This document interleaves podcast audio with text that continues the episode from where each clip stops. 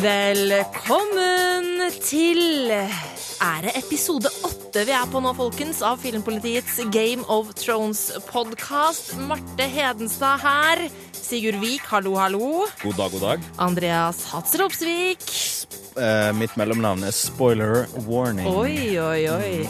Ja, spoiler warning, for det kommer det til å bli mye av i den poden her. Hvis du ikke har sett episode åtte av Game of Thrones sesong seks. eh, Det er nemlig det vi skal prate om, og vi skal diskutere fanteorier og hva vi tror kommer til å skje videre, og alt mulig rart, sånn som vi pleier. Bokspoilere blir det garantert også. Det blir det garantert, og det er jo så trivelig. Eh, Så nå er det egentlig bare å kjøre i gang, er det ikke det? Hit it. Hit it! Det er trivelig å være i gang. Eh, Sigurd sa det rett før vi starta opp her nå, at et av ukas høydepunkt Det er å få komme og spille inn en Game of Thrones-podkast sammen med dere. Det er Kjempekoselig. Trenger Ikke ikke å få penger for det engang. Det er bare Nei. Altså, Jeg tror faktisk vi er så sent på ettermiddagen at du får ikke penger for det her, Andreas. Så det, det kan du bare stryke. å prate om Game of Thrones kan man gjøre gratis. Eh, Det har vært, eh, det har vært ganske mye mm, prat om denne episoden. Eh, Det har jo skjedd liksom Eller ikke skjedd ting som man kanskje hadde forventet. Episode åtte har pleid å være liksom en av de aller største høydepunktene i sesongene i Game of Thrones. Jeg syns det var veldig mange veldig fine scener i denne episoden også, men likevel Det var den største nedturen for meg så langt i sesong seks. Eh, enig med at det var ikke alt som var ille, men det var den store la oss drepe fanteori-episoden. Altså, de høvla løs på det som har vært av eh, store fanteorier denne sesongen, og det gjør jo at vi som er glad i fanteorier, sitter litt sånn rystet tilbake og lurer på Altså- hva skjer nå? Skal dere ta fra oss enda flere Nå fanteorier? har Altså, vi sittet og diskutert dette så lenge, og så blir det ikke noe av det! Altså, hva i helvete, liksom. Det føles jo som om vi har tatt de her fanteoriene og liksom plassert dem i banken i et hvelv og liksom sagt sånn Ja, dem har vi. dem er, dem er safe. Sånn som for eksempel en viss teori om John. Den har jo ennå ikke blitt rocka ved, men nå begynner jeg å bli litt sånn bekymra. Sånn, OK, hva om eh, R pluss eh, L ikke eller ikke J? Eh, men, men det er for framtiden å avgjøre det. Det som skjedde, var i hvert fall at min store favoritteori, som har vært Clegane Ball, som da er teorien hvor The Mountain, som da er Cersei sin zombiekjempe, og The Hound skulle møtes eh, i en trial by combat, eller i hvert fall i en eller annen slags kamp. uh, og det ser nå ut til å gå fløyten. Og den andre store på en måte fanteoribobla som røyk, uh, er Lady Stoneheart. Den gikk sannsynligvis også Det fløyten. greit. Og det er da teorien om at mor til Robert uh. Stark, altså Catelyn, uh, skulle zombie-dukke opp som en uh, zombieleder av The Brotherhood Without Banners. For det gjør hun jo i boka. Det gjør hun i boka, men det ser det dårlig ut med nå, for der er det nemlig Barrick Darian som ofrer seg for henne, og han var nå aldeles i live, og The Hound pissa til og med i elva, bare for å liksom pisse ekstra godt på den teorien, for da gjenoppstår hun vel i, i elv, så den er ute. Og alle de kule Arja-teoriene som både vi og internett og dere som hører på, har kommet med, det var så mange muligheter for at den der Arja-plottlinja skulle være intrikat og full av belønning for dem som har sittet og leita etter detaljer og tenkt og tenkt og tenkt. Til helvete. Fuck dere. Men- Hun var bare dum. Men vi må begynne å snakke oss gjennom dette. Altså, Hvor skal vi begynne, Andreas?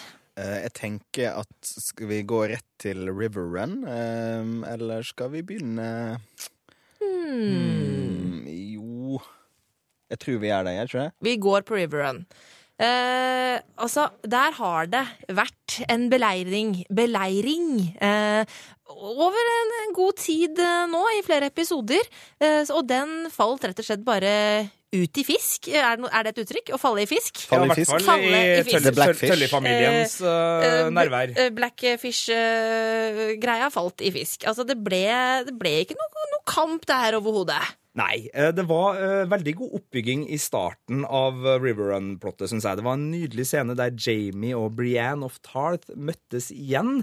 Veldig vakker. Altså, da si- fikk jeg tårer i øya, altså. Det, Det- var en nydelig scene. Det skjønner jeg. Og en liten blomsterkvast til settdesignere og produksjonsfolk som har laga River Run-slottet. eh, og, og hele den der beleiringscampen utenfor. Det var, jeg fikk litt sånn Asterix og Obelix-følelse av liksom romere som lå Gallerne kommer! Gallerne kommer. Men det var skikkelig fint. Det var veldig fine farger, det var fin scenografi, det var et kjempefint møte, det var gode skuespillerprestasjoner. Uh, Jamie og Brienne har et veldig godt forhold, og det var filma veldig fint. De var uh, to eh, likeverdige mennesker som møttes med et det. hint av romanse, uten at det ble romantisk. Ja, eller, men eller i hvert fall vennskap. Følelser. Eller altså det, En ekstrem gjensidig respekt. Ja, og, I det minste. Og et, egentlig det jeg føler, er at det er et underliggende dypt vennskap der, som de på en måte eh, begge har lyst til å på en måte fullbyrde, men som ikke Ja, ikke! Det var ikke det jeg mente. Eh, eh, som de har lyst til å Nå ringer Kristoffer Hivju her og sier eh, 'drit i det der, hun er mi'. Eh, Men altså, det var så fint. Altså, de spilte så godt, begge to. Altså, det var en sånn sårhet i det øyeblikket der som gjorde at jeg ble ganske på grineren. Og den uh, sverdovergivelses, Ja, ikke sant? ikke-overgivelsesscenen der var Mm, helt, uh, Hvor helt eh, nydelig. hun vil gi sverdet tilbake, og så sier han 'It's yours, it, will always be yours', eller noe sånt. Og jeg bare 'Å, fuck'. Det, det, det der er fint. Men og det det er en da- veldig fin plan de legger òg. Ja, egentlig. Mm, ja, Det ikke er jo sant? kjempeplan. Altså, det er jo, eh, du kritiserte meg jo for å drive med litt cheesy fanteori i forrige episode, Andreas, når jeg skisserte en lignende, ikke en så god plan, men altså at resultatet skulle være at uh, Blackfish kunne ta med seg tøllegjengen nordover. Mm. Uh, men, uh, og det her var jo en intrikat plan som på en måte frigjorde det. Og så tok Jamie seg en lang prat med, med Ed Muir og forklarte tingenes tilstand. Og, Og så den var også ganske kul, den Ja, scenen, syns jeg. For der fikk vi også se at ja, Jamie han, du, Vi så den gode siden av han når han var sammen med Brienne. Da han var sammen med Brienne. sånn, og så Mm. liksom, da han etterpå eh, var inne hos Edmure, så bare Der har vi drittsekken, eller han beinharde kynikeren, som også er Det er det som er så fint, at vi fikk liksom se begge sidene av hans personlighet veldig tydelig i denne episoden. Jo, det likte jeg godt. Det var ikke bare kynisme heller, for var, han snakka jo absolutt om følelser og Jo, om det er sant. Men han, Mm. altså, han, han brukte jo eh, forholdet til søstera for alt det var verdt, på en Mm. måte.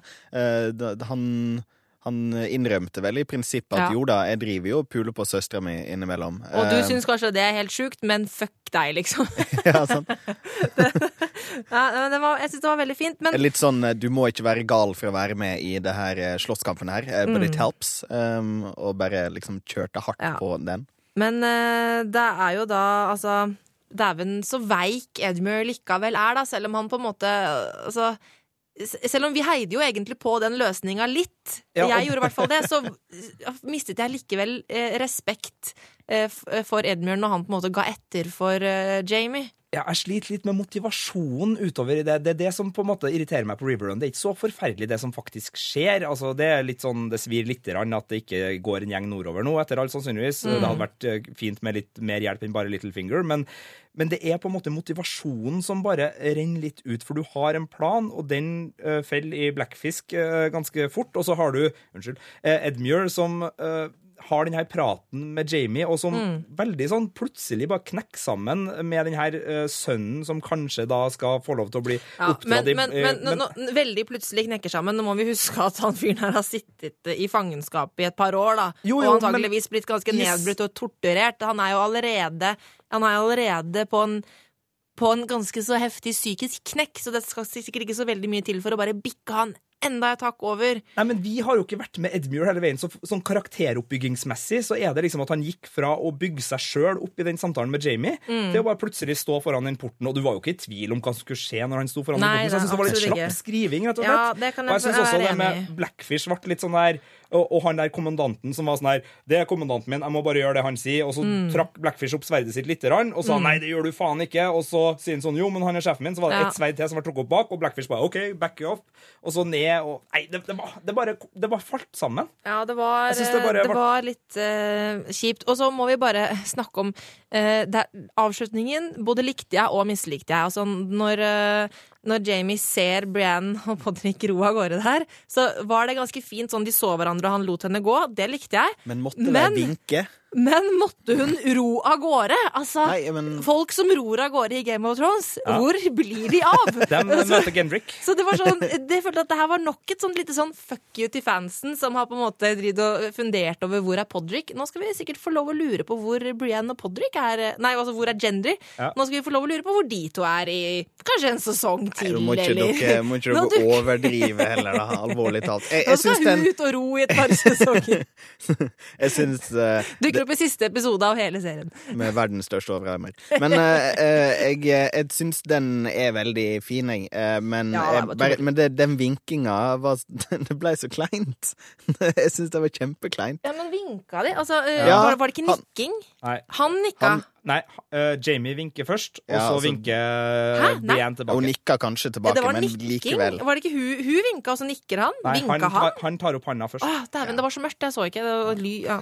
det, det, men- mener problemet med å se ting på TV-en om sommeren, eh, det er jo gjenskinn ut av et ville helvete. Uh, så det er vanskelig å se ting når det er i mørten. Ok, men han vinka, ja. ja.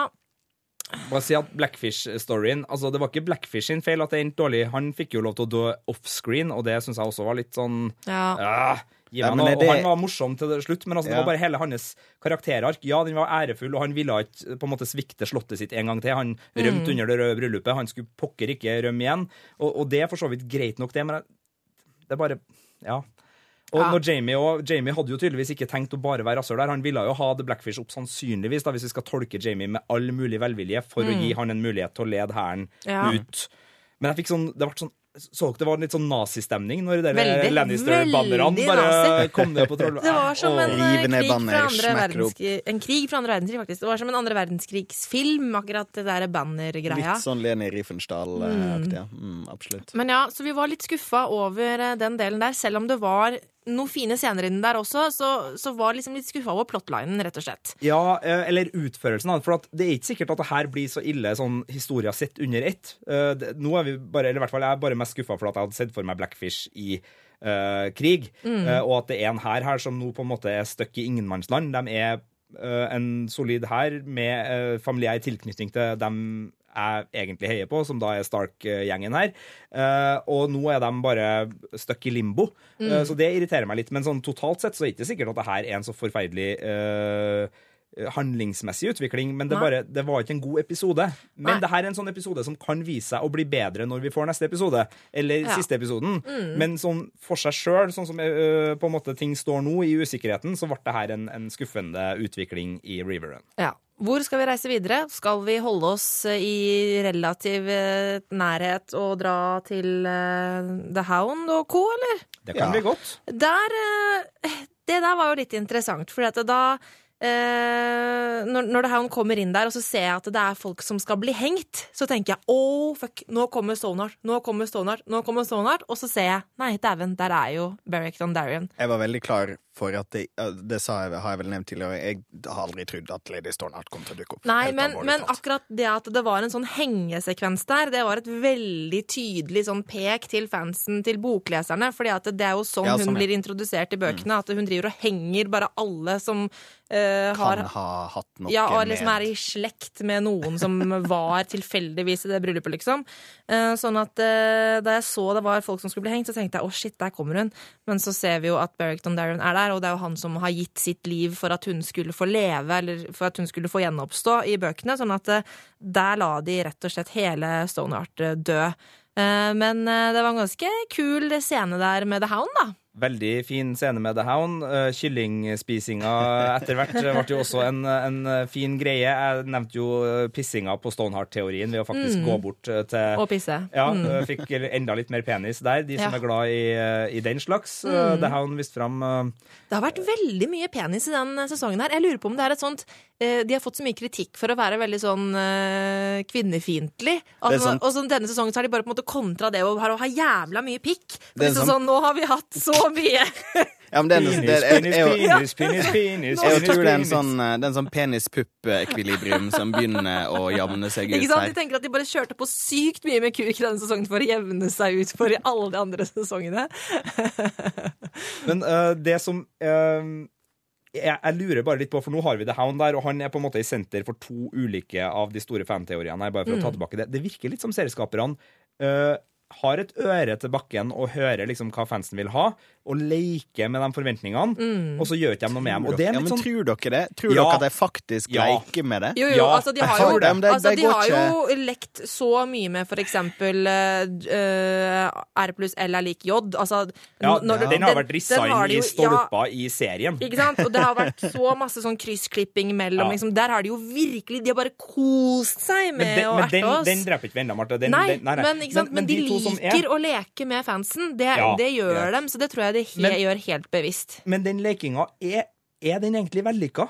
Når det blir sånn her. Altså, Nei, eh, ja. Og nå er jeg litt den forsmådde Clegane-ball-taperen Ja, er- her, da. Men, Du er men jeg, bare, jeg sånn bare lurer på, uh, eh, på liksom når man Ja, kanskje litt. Eh, nei, jeg, jeg vet ikke hvor på en måte smart det er å, å drive den leken uh, hvis man ikke har en plan med den. Mm. Men vi får håpe de har en plan. Ja da, og Men de men har det jo det på, på andre vis, men jeg syns bare det var et sånt veldig tydelig eh, øyeblikk i den scenen. Så, så Mm. drepes på en måte to eh, fanteorier nesten samtidig, selv om den andre får litt drahjelp fra Kings Landing, som vi Ja. snart skal komme til. Men, Men Det blir jo eh, en sånn eh, Det er litt sånn som Sherlock gjorde det spesielt fra tredje sesong. At de går inn og på en måte De lar nesten internett være en stemme, sånn som dere sier, at, at ting Ja. faktisk dukker opp i, i serien så, som er, er fanteorier. Og Sherlock har jeg på en måte kritisert for at kan bli litt, litt for sjøl Ja, litt runkeringete, ja. så ville jeg sagt eh, ordet. da. Litt Eh, runkeringete, ja. Litt Mm. ja, runkeringete. litt for smart for sitt eget beste, nesten. Ja, eh, litt for, i, litt for opps sin egen ræv, eh, bare Ja. for å ta med enda en kroppsdel i eh, diskusjonen. Eh, og vi risikerer jo at eh, Game of Thrones går det litt samme veien, selv om jeg, Mm. jeg er ikke nødvendigvis like enig. Jeg tror dere overtolker litt av det. Ja da, Ah, det litt har du. av det her. Så greit, du, jeg veit at du sa den derre pisse i elva for å pisse på teorien mest på tull. Men, men. Men den hengedelen, den er garantert Altså, det er ikke Ja. tilfeldig at det er noen som skal henges i den scenen. Altså. Jo da, men, men der tipper vel jeg at uh, seriemannsfatteren har sagt ja, vi, vi slår sammen. Altså for å holde ikke ha enda en ny figur i serien, så tar vi uh, Beric og gjør han om til Lady Stonehart, sånn i prinsippet. Altså rent sånn prinsippmessig. Ja, Selv om det ikke nei, er det- Det er vel ikke Frey-greiene. Nå er vi på uh, feil del i poden. her er Fan Theory Watch. Det kommer om en uh, halvtimes tid. OK, greit. Skal vi hoppe videre? Nei, Jo, vi, eh, du, jeg, må jeg, ha med blod, blodspruten. Det var mye fin økse, Ja. øksemordan. Og den, var den god. Der, den- altså, Jeg er litt usikker på om jeg syns den var klein eller skikkelig kul, den derre uh, Den derre 'you're bad at dying', eller hva det var. Den var skikkelig kul. Der kan jeg hjelpe deg. Den var kjempekul. En av de beste replikkvekslingene, eller replikkene, i, i serien. Jeg lo i hvert fall. Ja, Skoprøvinga også veldig fin, yes. mens uh, Lem Ja. ligger der og, og dingler. Eh, så skal vi se, passer de her? Er det 42 eller er det 43? Jeg Ah, tipper det, var var, 43. tipper det var 47, eller noe sånt. 56. Men, men eh, den, den peker jo litt på det vi har nevnt så vidt tidligere, det med at The Hound egentlig er veldig på jakt etter noen å jeg holdt på å si bli kommandert av, men ja, Mm. følge. Mm. Han, har på en måte, han har vært under kongen og var veldig lojal til han. Uh, han liksom fant uh, Ian McShane, som jeg ikke engang husker navnet på, uh, i forrige episode. Father Ray. Nettopp. og ha, fulgte han som nesten en sånn farsfigur. Og så ble han borte, og nå er han liksom smekk rett bort til Barrick igjen. Mm. I en eller annen variant, i hvert fall. Så jeg er spent på på en måte hvilken herre ender The Hound opp sammen med, i en sånn nesten sånn, sånn ja, en jakt på en farsfigur, nesten. Rett og slett. En jakt på en, en, en kommandant. Og nå er vi inne på det som er så fint med Game of Thrones, da. Der det dør fanteorier, sås det nye fanteorier. Det skal vi komme tilbake til, men det er jo mange ganske kule fanteorier som går på hvor skal The Brotherhood? Hvem kommer The Hound til å møte videre utover? Og akkurat på det vi snakka om nå, eh, familieforbindelser. Det er jo flere som nå trenger eh, familiefeller, så kanskje det blir gjenforeninger. Hvem vet? Men det her er fanteorier. Det skal vi snakke om etterpå. Ja, men nå reiser vi til Kings Landing. Let there be violence. For eh, ja, og det er jo en eh, nok en dritkul replikk, men dæven døtte som eh, Cersei eh, fikk slite i episode åtte, altså. Eh, hun er på tynn is nå. Hun er på tynn is fordi hennes eh, på en måte sikkerhetsnett, eh, eller branntau om du vil, har jo vært eh, trial by combat. Der skulle jo The Mountain, eller Robert Strong, er det han ja, Sir Robert? Sir Robert er det ja. de kaller han, men nå har ja. de jo gått ut med at han er uh, Ja, han er The Mountain. Han, han Ja. Heter han egentlig Robert Strong i TV-serien? Han, han, jeg, Jeg ble tror, litt jeg, tror de, skeptisk til det jo, jeg tror de kaller han Sir Robert uh, når hun Altså da Det sånn Cersei ble introdusert for han, ja, eh, Ja. mener jeg. Eh, men så var det jo i denne sesongen at de bare Det tydeligvis var klart for alle at han var den mannen. Nem, nevnte jeg det her sist, at det er litt rart at han er oppkalt etter mannen som Cersei hater, eller har samme fornavn? Hvis når vi Ja, det er bare sånn end, Ja, men det er litt sånn Ja, endelig en Robert som gjør akkurat som Cersei har lyst. Eh, Ikke Det var sant? jo på. Det kan godt hende at det var veldig bevisst. Men Eh, eh, ja. Veldig eh, trist episode for Cersei-fans, fordi hun mista da muligheten til trial by combat. Den Mm. forsvant ut Alle av to Cersei-fanser? Altså, Eh, hun har ikke er jo, er Ja, altså, det, som har vært, det har vært litt sånn rart denne sesongen her, fordi at eh, jeg heide jo på uh, I Choose Violence. Altså, det var en sånn der Å, yes! Stå på Cersei! Selv om man på en måte egentlig misliker henne, så har man også heid litt på henne. Uh, og så var det Det var litt kjipt, faktisk, å se henne bli så kua som hun nå ender opp med å bli. Altså, jeg, jeg tror hun ender opp med å rømme, liksom. Altså, for nå er det så ja, altså, Hun gjør jo ikke det, men altså det, men, eh, men altså Nå skjer det ting, da. Altså, hun har ingenting igjen. Nei, Utenom kanskje jo noen små kanner, skjul, skjult, Ja, skjulte kanner det er som ligger rundt omkring. Ja. Eh, For uh, hun mister muligheten til Trial by Combat. Hun har mista kontakten med sin sønn. Tommen Mm. har nå på en måte isolert henne bort. Hun må stå på galleriet. Hun får ikke lov til å være nede på gulvet. Nei. Hun er langt unna. Den heslige fiseren Paisel står der i stedet for og hvisker prompehemmeligheter inn i øret på, på lystgutten. Men, eh, og det her er jo, sånn som jeg ser det, litt sånn eh, Det her er Marjorie Tyrell sin store plan, Yes. og det er hun som på en måte vinner uh, the cunning scheming of it all. Altså, hun vinner på planlegginga, og så Ja. tenker jeg at uh, Cersei vinner til slutt likevel, fordi hun er villig til å gjøre det usleste ja. Det er jo en teori, da. Men, eh, så, så, men hun Cersei taper i hvert fall det politiske spillet, Mm. så det synger etter for tida. Hun har tapt duell etter duell nå, Mm. og det er egentlig hennes egen feil, for det er hun som har skapt seg de fiendene og den hæren som nå står imellom hun og den makta hun har lyst til å ha, og det forholdet hun har lyst til å ha til sin sønn. For hun elsker jo sin sønn. Jeg tror ikke hun kommer til å gjøre noe som skader Tommen uansett. Men hun kommer nok til å gjøre en del usle ting for å balansere det hele. Og som Kaibjørn da kom inn på slutten av den seansen og sa, eh, ryktene stemmer, og det er masse. Ja. Og da har vi vel en ganske sterk mistanke om at det er snakk om eh, Wildfire. Så det blir veldig spennende å se. Eh, Det kan jo episode hende at ti, tenker jeg. Eh, Ja, det tror jeg også. Jeg tipper det blir episode 10. Hvis ikke dette er nok et lite pek fra uh, serieskaperne. Så bare Ja, nei, det var rykte om at det er masse dadler til salgs nede på markedet nå. Det er helt korrekt. Det kan jo hende at det bare var det. Fan theory! Eh, jeg må bare si at jeg var litt skuffa over slagsmålet. Ja, eh, det var fordi, ikke et slagsmål i den forstand. Det var en lita knusing, det det, var en liksom. likvidering av Mm. en spurv, og Likvidering, det var Det var jo å bli dytta inn i kjøttkverna. jeg, var, jeg hadde jo virkelig håpa at det var han der, eh, han der pannetattis uh, Lancel som endelig skulle dø. Det var han jeg Men etter skulle det dø var forrige han gang. andre Men pannetattisen nei! som døde. Det var en av de unavngitte fisefuglene som spratt opp ved siden av der. Ja. Trist. Ja. Men uh, ja, nei, fordi, nettopp fordi det I Choose Violence hadde vært et så utrolig Mm. statement-opplegg fra første trailer av, og noe vi har gått og gledd oss til. Så forventa man noe mer. Ja, og Ja. igjen da, så blir jeg litt skuffa, for jeg har liksom venta på at Kings Landing skal, skal få noen skikkelig gode, kule scener, men jeg, jeg sitter litt sånn forsmådd. Ja, og så trodde jeg jo også at den scenen hvor vi ser at hun kommer gående inn i tronrommet der, eh, eh, tronsalen, altså, da trodde jeg òg at det skulle være et sånt kjempehøydepunkt for Cersei, at hun bare skulle liksom eh, men, men altså, det er jo gøy å bli overraska også, Ja, ja, og det ja, ja. ble vi jo, da. Og det Det var jo helt annerledes enn det vi trodde. Hun ble, hun ble liksom knust istedenfor å knuse. Ja. Så Og det er jo Ja. egentlig helt riktig, for hvis det hadde blitt Clegane Ball, så hadde jo ikke Cersei hatt like stor grunn til å tenne på byen, med mindre The Hound Altså, det, det var noen sånne sånn Mm. så, så man kunne på en måte ikke ha fått ja, Vi kunne ha fått i pose og sekk, for jeg hadde kommet til å heie på The Hound der uh, i Klagenvold, og da hadde jeg hatt grunn grunn til å tenne på byen. Men, altså, Ja. men, men ja, de gir uh, og tar, og de gir jo ganske mye, selv om uh, man, man mister litt. Men Mm. det rettferdiggjør ikke at scenene ikke er ordentlig gode. Nei. Så storhandlingsmessig så er ikke jeg misfornøyd med episoden her, bortsett fra én stor ting, og den skal vi komme til. Ja. Men uh, jeg er misfornøyd med en del av scenene, for jeg syns ikke dem er veldig godt skrevet, og jeg syns dialogen har vært litt sånn Uh, Ja. Den har ikke stått i forhold til det som skjer. Altså, Ja, det for det har en del vært sånn misforhold. ujevnt. Samtidig som det har vært noen andre, sånn som den Brienne eh, og James Hedden, syns jeg var veldig fin igjen. Så det har vært veldig sånn ujevnt. Og Podrick og Bron. Podrick og Bronn, for en Vi hoppa egentlig over deg. Vi hoppet, hoppa, vi Ja. glemte å snakke om Podrick og Bronn, for den eh, Får jeg si det? Den Bronmansen der er fin.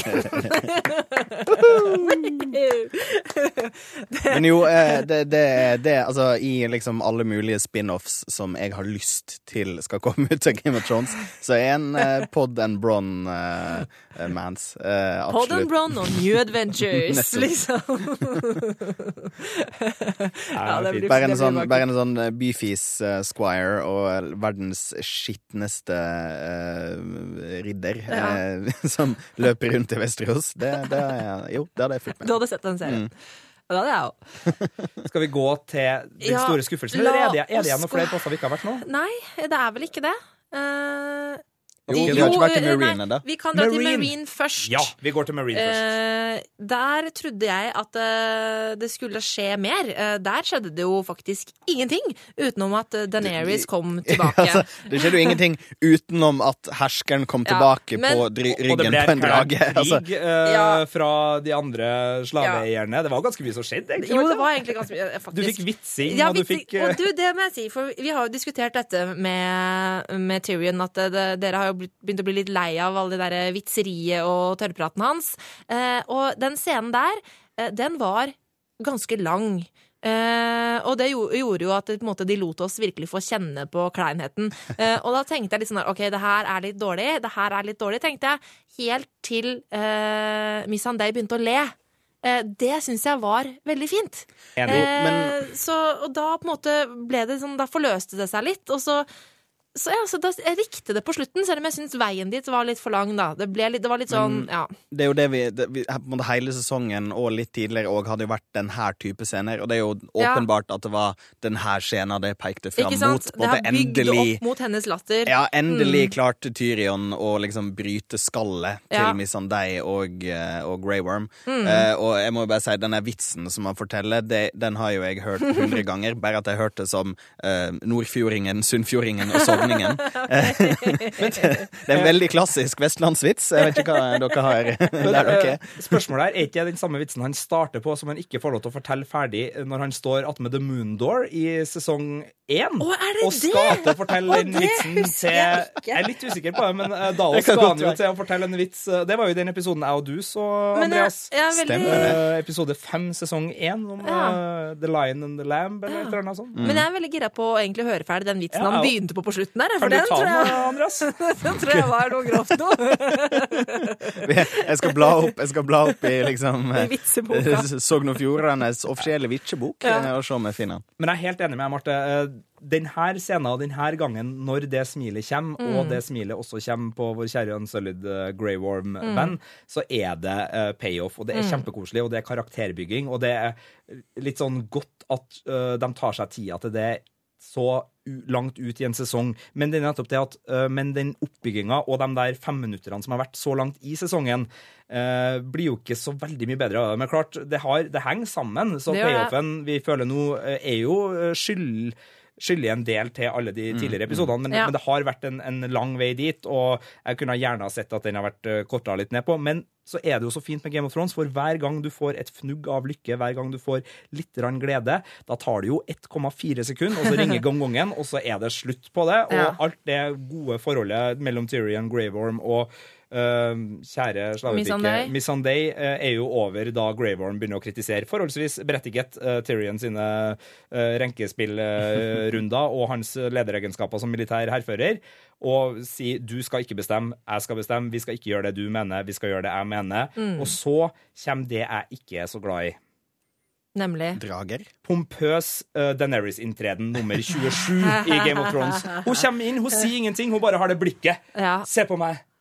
Jeg er dramatisk. ja. Det er så dramatisk Jeg- akkurat nå. eh, Jeg er jeg- kjempedramatisk! Ja. Jeg er så dramatisk! Ah! Og jeg er jo, som vi har snakka om tidligere i, i, i løpet av denne poden, er at jeg er jo veldig fan av dramatikk og denne og drager og sånn generelt. Men til og, til og med jeg syns at det der ble litt for plumpt, ass. Ja, det ble det. Ja. Det var litt, det litt plumpt. sånn det er litt sånn Hva er den billigste måten? Fordi det er det jo åpenbart. Fordi vi veit at det er store budsjettkrevende scener som dukker opp i de kommende episodene. Ja. Det er vi fullstendig klar over. Men det er sånn, OK, ok, gutta. Hva er den billigste måten vi kan vise fram en drage på? Kan vi gjøre den utydelig og legge den i bakgrunnen sånn gjennom ei dør? Og så bare Briljant! Briljant! Gi den mannen 500 000 ekstra jobb og executive på begynnelsen av Ja. tittelen hans. Det er liksom uh, um, Så jeg, jeg, jeg kan skjønne det ut fra et produksjonsmessig sett. Ja, men det var bare litt rart. Eh, Jeg satt og venta på at ok, da jeg så alle disse skipene, så tenkte jeg oi, skal verdens raskeste flåte også komme hit, og det, og det blir krig? tenkte jeg et øyeblikk. Eh, Og så tenkte jeg eller kanskje det blir en heftig dragekamp, men det ble jo bare ingenting. Eh, Så det, det var litt sånn Jeg følte meg rett og slett snurt, Ja, faktisk. Snutt. Ja. Snytt eller snurt? Uh, begge deler. Begge Jeg ble snytt, Snytt? og derfor ble jeg snurt. Ja, okay. uh, men, uh, men nok om det, for det, var jo ikke, det er ikke mye mer å prate om i Marine, egentlig. Den er imponerende, den sjøflåta deres. Og den har veldig kule seil. Jeg liker at de er så åpne med sin slavedriveri at de har valgt å basere sin visuelle profil på det. Det syns jeg er, er, er redelig. Ærlig, ærlig, egentlig. Men jeg håper jo at Altså, eller jeg håper Jeg vet ikke om jeg håper det, men jeg tror kanskje at vi får en kombinasjon av For jeg tror det å brenne alle de skipene er litt for dumt, for du trenger jo masse skip for Ja. å frakte en viss uh, hestehær over Ja, havet. men det Så- kommer jo en annen flåte eh, som skal krige mot uh, den Så- flåten som allerede er der nå. Så kombinasjonen uh, Greyjoys og litt dragehjelp eh, Ja. skal vel være nok. Men nå må de jo for fanken meg ta frigjøre de to andre dragene snart, så vi må jo Og Ja. det er jo en ypperlig anledning. Ja, absolutt. Eh, jeg, skjønner, jeg skjønte, skjønte ikke helt greia, men altså, eh, altså Tyrion tok av eh, Hva heter shackles på norsk? Lenka. Lenkene. Han tok jo av lenkene. Men OK, men dere må fortsatt være i dette jævla fangehølet som dere er altfor store til. Jo da, men det, du veit jo hva som skjer hvis jeg slipper Jo, jo, men, men altså, hva var hele poenget med den scenen egentlig da? Jeg trodde at de dragene skulle komme ut mye tidligere i sesongen. For å sitere en viss liten uh, person i Game of Thrones, uh, de trives ikke så godt i fangenskap. Nei. Er fangenskap da bare lenka, men døra er låst, er fremdeles OK? Eller er den døra åpen, og dragene Ja. har bare sånn Hei, her, eh, her er rommet vårt, her skal vi men, være. men, Altså, liksom, en, du lar jo ikke treåringen din spasere ut når han vil heller. På Nei en måte. Men, Eh, men nå har jo mamma kommet hjem, sånn Ja, at de dragene de får lov å gå ut i neste deg- episode. kan du sende deg på SFO, Ja. eh, som da er tydeligvis Jo. toast-skip? Men hvis trillingbroren din fikk lov til å fære ut, altså her, da, så er det jævla urettferdig. Altså, du vil ikke akseptere at du ikke får lov til å fære ut. Han er voksen!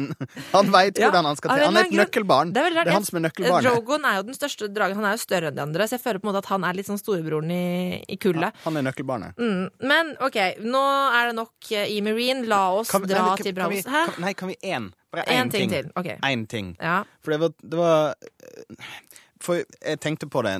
Vi møtte ikke Greyjoys denne episoden her.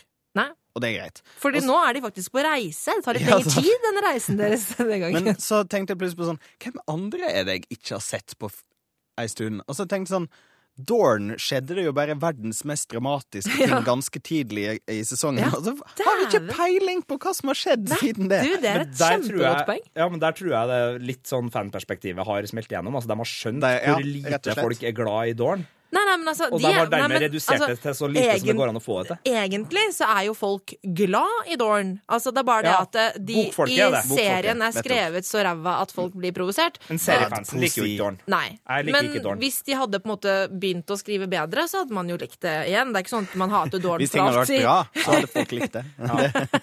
Men, Briljant eh, perspektiv. Yes. Men uh, la oss gå til dit vi skal nå, og så, skal vi, så kan jeg, har jeg et sluttpoeng som jeg er litt nysgjerrig på om dere er enig i, som okay. har med Dorn å gjøre. Men det kan Oi. vi ta etter at vi har dratt til Bravos. Ja.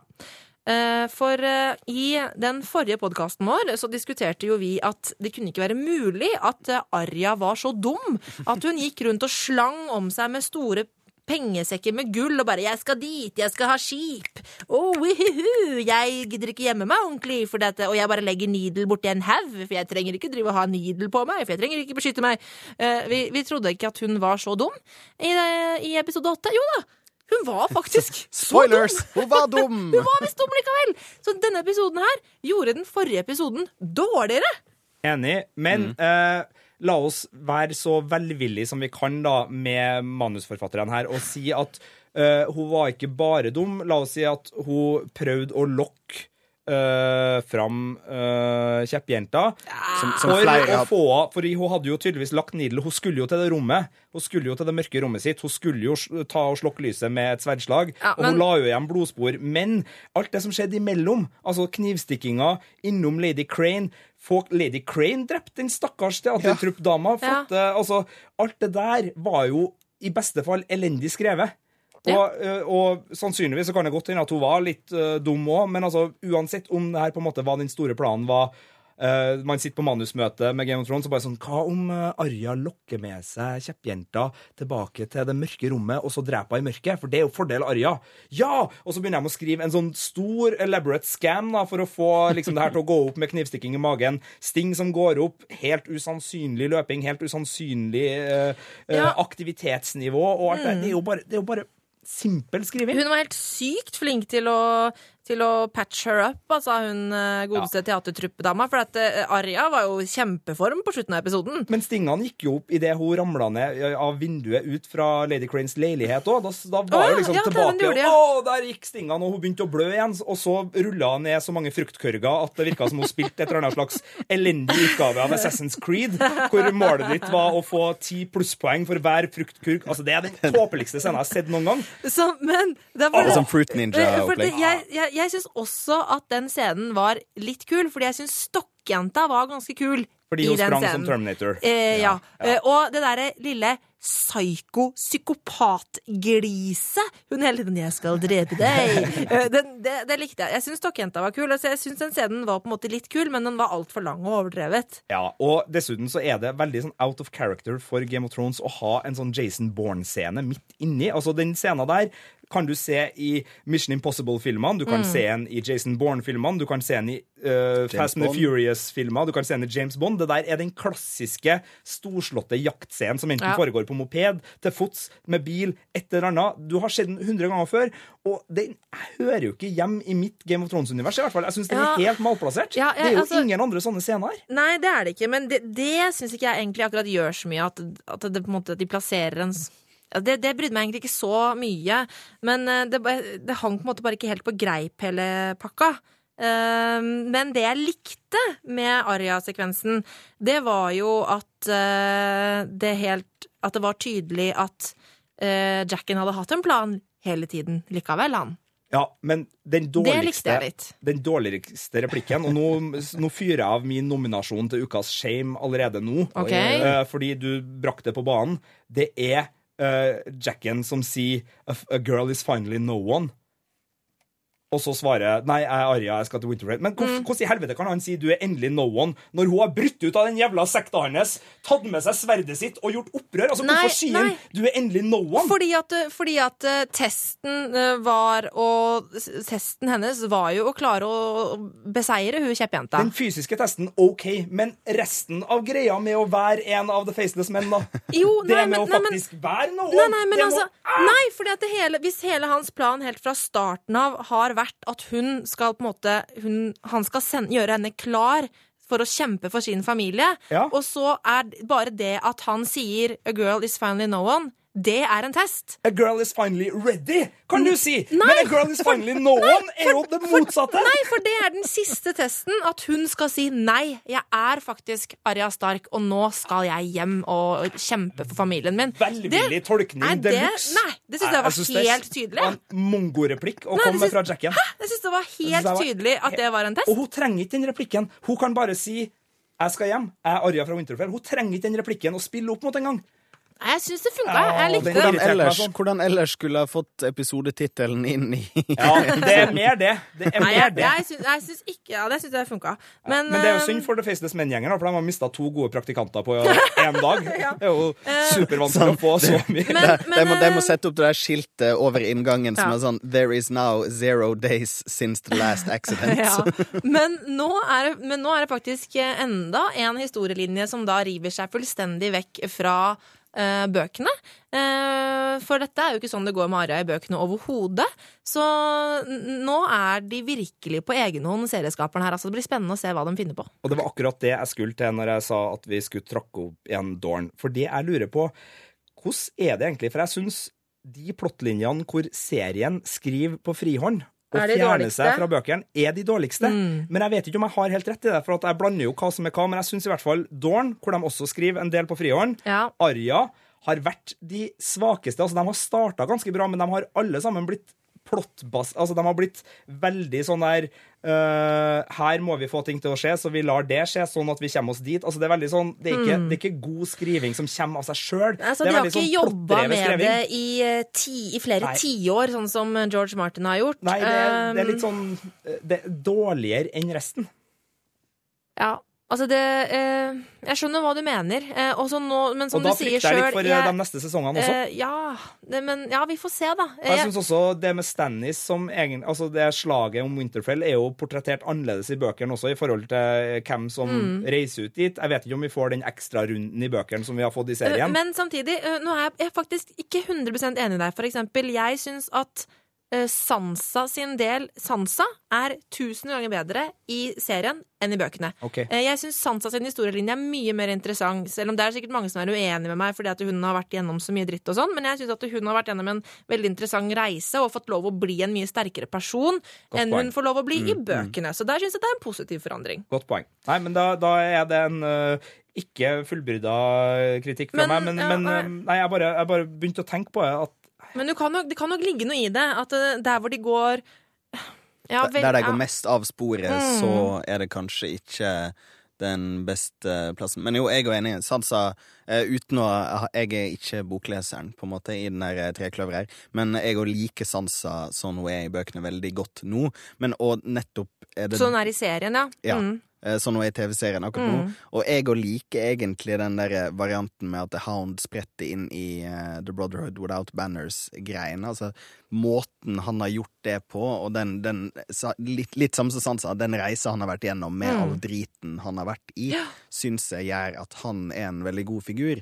Uh, Sjøl om det er annerledes enn i bøkene. Ja, nei, vi veit jo ikke om det eh, Eller jo, altså, vi, vi veit at uh, Beric uh, er jo død, men eh, hvor er, vet vi egentlig Vi vet jo ikke hvor The Hound kommer til å ende opp Nei, i bøkene ennå. Nei, men jeg liker nordover-greia på han. øh, Og jeg liker nordover-greia på The Brotherhood. Øh, Det virker, fordi de snakker om vinner, at det kanskje er The White Walkers de snakker om. Mm. Ja, det var det, Øh, sånn jeg tolka det. Ja, Men samtidig så kan det jo hende at de kan stoppe innom Winterfell på veien. Ikke sant? Uh, men jeg, men nå, nå begynner vi å nærme oss den neste delen av, mm. Ja. av hva vi tror skjer. Uh, Så vi skal kanskje gå dit før vi spekulerer videre i hva som skjer Ja, der. men aller først så skal vi vel dele ut et par ting. Det kan vi gjøre. Filmpolitiets Game of Thrones-podkast. When you play the Game of Thrones, you win or you die. For nå er det nemlig på tide med ukas Shame. Oh yes.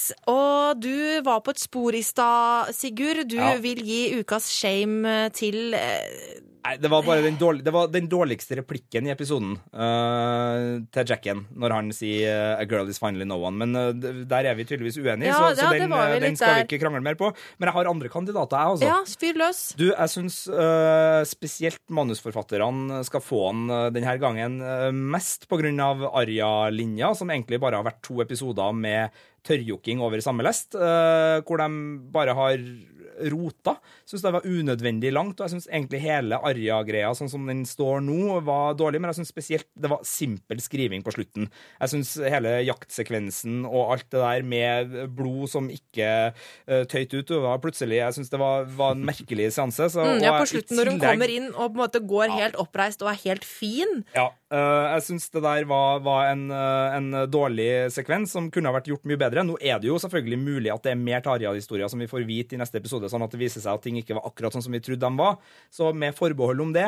Men jeg syns uh, de som har skrevet hele Arja-plottet, øh, bør få ukas shame. Og hvis det er dem som også skrev Blackfish-døden, som skjedde offscreen, så er jeg en liten høne å plukke med at den også For nå var det to gode dødsfall Som som begge skjedde offscreen. Mm. Selv om det kan jo hende at Blackfish selvfølgelig er i live, men Da kan Ja, Stannis det sove. ikke. ikke sant? Eh, men har du noen andre forslag, Andreas?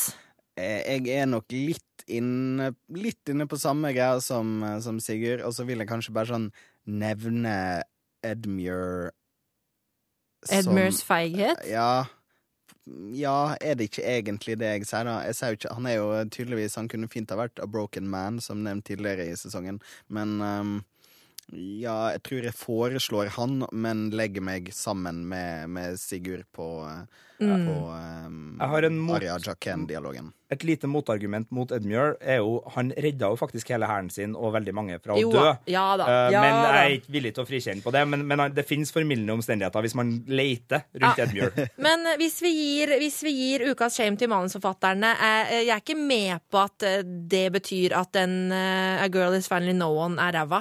Nei, det er greit. eh, Du jeg skal få det som unntak. Det er unntak. Det er protokollført. Men, ja, veldig bra. Men jeg er enig i at uh, Arja-delen var for svak, eh, og at manusforfatterne gjorde en for dårlig jobb i denne episoden.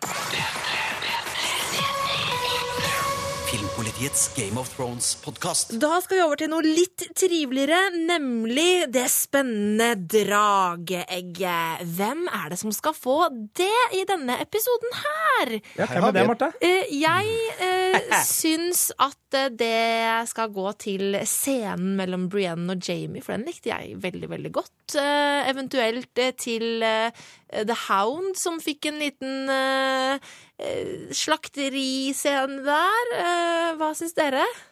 Jeg syns den skal gå til Hound, fordi han hadde ikke bare én god replikk, han hadde tre veldig gode replikker. Han hadde. Your Shit At Dying og hele den replikkvekslinga der. Han hadde kyllingvitsen, som var aldeles nydelig. Og så hadde han også tøffere jenter enn deg har prøvd å drepe meg. Ja, Eh, ja, til han eh, bueskytteren som også ja. det var, altså Innholdsmessig så er ikke den Men altså, det var bare avleveringa og Mm. det at han uh, så til de grader omfavner eh, likestilling i krigerstand. Mm. Selv om man egentlig ikke gjør det ved å påpeke at det var jenter, men allikevel så er det altså The Hound uh, anerkjenner at uh, det er like stor sjanse for å dø for kvinnehånd som for herrehånd, og det er ikke fordi at eh, kvinnehånd er slu, det er fordi at kvinnehånd er vel så god. Eh, og det liker jeg at The Hound eh, på en måte Han er som en slags stor Brienne-reklame som rusler gjennom serien. Nå, nå må, må vi huske at, at han har blitt eh, Han har jo møtt på Arja òg, selv om Ja, det det nok derfor, direkte eh, var Brienne. eh, Ja, ja, Ja, men, ja. men det er to kvinner har prøvd å drepe en. Men hva med deg, Andreas? Har du noen favoritter? Jeg ehm, vil på en måte legge Jeg tror jeg legger inn en sånn bobler, eller en sånn god andreplass, til bare generelt eh, god skriving av en veldig godt nyansert Jamie. Eh, for bare ja, for, å, for å si fader, en altså. måte gode ting om manusfatteren igjen. Ja. Eh, den um, Jeg tror ikke vi nevnte det i stad, men um, Jamie sier jo faktisk 'the things we do for love'. ja, det, den som er det som som blir Mm. sagt idet han dytter Bran ut av, eh, av vinduet i første sesongen. Um, så uh, jo, jeg tror Ja. Nei, jo, han er mitt forslag. Han er faktisk Ja, det. jeg- Jeg likte det han veldig godt, men, men det Ja. var en veldig god Det her var en veldig, veldig god Jamie. Ja, for jeg er litt enig med deg, for The Hound var veldig morsomt og underholdende og artig, men uh, måten Jamie var så nyansert og spennende skrevet uh, i den episoden her, altså jeg likte det veldig, veldig godt. Jeg er med på Jamie. Jeg kan være med på Jamie. Ok, Ukas drage går til Jamie og manus manusforfatterne, som skrev hans scener i denne episoden. Det er litt som om du vinner Oscar og en sånn Raspberry for samme filmen. Som har skjedd. Så ja. Gratulerer! Filmpolitiets Game of Thrones-podkast. When you play the Game of Thrones, you win Så folkens, hva skjer videre nå? Eh, Det er ikke lett å si, men det skal vi snakke litt om. Ja, eh, det er vel egentlig ganske lett å si. Eh, ja, hvis vi skal ta for oss neste episode, så er vel det den enkleste episoden å faktisk spå. godt poeng. Den heter jeg aner Battle ingenting om om noe som Bastards, helst. ikke det? jo, som stemmer det. er tittelen. Jo, det stemmer, fordi det var jo den episoden jeg var litt irritert over at eh, rett og slett fikk det navnet, for det var så veldig tydelig at hva det skulle handle om, da. Men kanskje de lurer oss, og så handler det egentlig om kampen om noen andre Nei, eh, fordi bastards. den eh, promoen som eh, slippes rett etter at episoden har gått, den viser jo ganske tydelig at hele neste episode kommer til å være om det slaget. Ja, Om ikke kanskje en ørliten sekvens bare for å få unna litt, for nå har de jo bygd opp noe rundt Cersei, noe rundt Daenerys, noe rundt Bran. Altså Det blir en veldig travel siste episode, Mm. Ja. så det er mulig de slenger inn et sånn timinutt med noe annet, men i likhet med en del av de andre sånn åtte og ni episodene, Ja. så kommer det her til å være vinkla rundt ett tema, i hvert fall i eh, 80% av episoden, om ikke 100. Ja. Eh, Hard Home var vel en 60-70% episode med slag, eh, mens den her beleiringa av eh, veggen eh, og Ja. Mm. Eh, Castle Black var vel en hel episode, så de har gjort begge deler. Ja, men jeg kan jo trekke frem den lille teksten som står på IMDb om episoden. Eh, der står det As the Starks prepare to fight, Davos loses something dear. Ramsay plays a game, Daenerys faces a choice. Så det blir litt Daenerys eh, oppi Ja, dette Ja, et lite Danny-øyeblikk. Men veit Davos at Ja, Davos veit at Shireen er død, sant? Eh, det er det det er? funderte jeg også på her forleden. Eh, det, er, det klarer jeg ikke å huske om han vet det. Jeg tror kanskje han vet at hun er borte, fordi hun har jo ikke kommet tilbake. Men jeg tror ikke han vet hvordan hun døde. Og og det er jo det ut fra promoen det ser ut som at en veldig nedslått og helt egentlig broken man, Mm. Davos, er på stedet hvor Stannis brente sin egen datter. Nettopp. Ja. Lille Shireen, som Davos var så glad i. Og det er vel også noen bilder av at Melisandre har kommet til leiren her. Så at det blir storkonflikt og en enorm sorgfølelse og veldig mye følelser for en eh, så langt ganske kalkulerende, rolig og stabil Davos, Ja. det tror jeg er sannsynlig. Ikke sant. For uh, Melisandre har Altså, han aner jo sikkert sitt eh, Davos, men at det skal ha foregått på den måten, og at det er Melisandres mm. på en måte blodmagi som ligger bak det her, eh, det tror ikke jeg han helt har valgt å ta inn over seg, men det tror jeg han gjør i full styrke nå. Så det er en av de tingene vi ser i promoen. Det andre vi ser, er at John prøver å utfordre Ramsay til en uh, duell, eh, der han sier kan ikke bare vi slåss ut det her, og så er, trenger ikke resten å dø. Men i og med at det er slagscener i samme promoen, så tyder jo det på at Ramsay sannsynligvis uh, spiller et eller annet pek eller gjør et eller annet rart der, som gjør at eh, eh, Jon Snow da ikke får uh, den ærefulle duellen, uh, men at det blir et fullblodsslag. Og så er det jo også sånn at Melisandre er til stede, og at John sier hvis jeg dør denne gangen, ikke gjenoppliv meg en gang til. Så det er en ganske sliten John. Ja. En ganske konfliktlei type som begynner å bli litt sånn Nå er jeg litt lei av livet, egentlig. Ja, og det er tydelig at Sansa er nødt til å gire opp litt med å forklare hvor jævlig Ramsay faktisk er. Og hva for, han har eh, gjort med henne. Ja, og uh, da, det tyder vel kanskje på at øh, Ramsay kommer til å gjøre noe lignende. Vi har jo hatt noen teorier på hvor uh, Ricken ender opp hen Ja. i det her, øh, for han har jo en Hvem liten skal få lov å øh, gå først på Death Wars øh, etterpå? Det får vi ta den, den Men det er mange greia, å ta av. men, Det er mange å ta av. Ja, du, det er så mange å ta av. Ja. Uh, det er en Vi ser Won-Won med piler i seg. Han er jo Altså, vi kan jo bare si det sånn at all, The alle, alle Last of the Giants. ja, ikke sant? Alle folkene vi er følelsesmessig knytta til, kan dø her. Ja. Uh, Thorman kan dø, Won-Won kan dø, Velkommen kan til Vesterås! Altså, liksom så, så, så det blir artig å gå på uh, gjetteleken etterpå. Og jeg tror nok i hvert fall én gang i løpet av episode ni så kommer denne gutten til å grine. Det tror jeg nok Marte Hedenstad Mm. kommer til å gjøre. Det tror jeg du, Andreas Hadsel Opsvik, også muligens kommer til å gjøre. Så det, at det blir en emosjonell episode, det taler vel for det. Ja.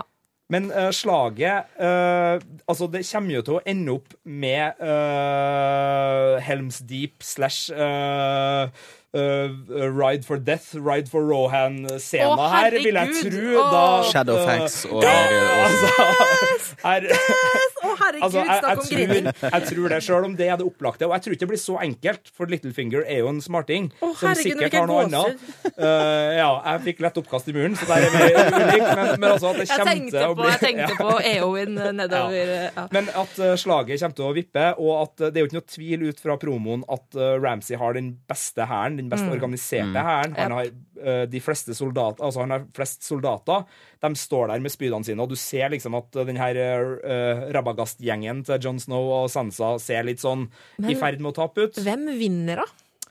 Nei, jeg tror jo da at vi får en uh, Altså, Jon Snow og Starkan kan ikke tape det her. Nei, de fordi kan ikke eh, det går bare ikke.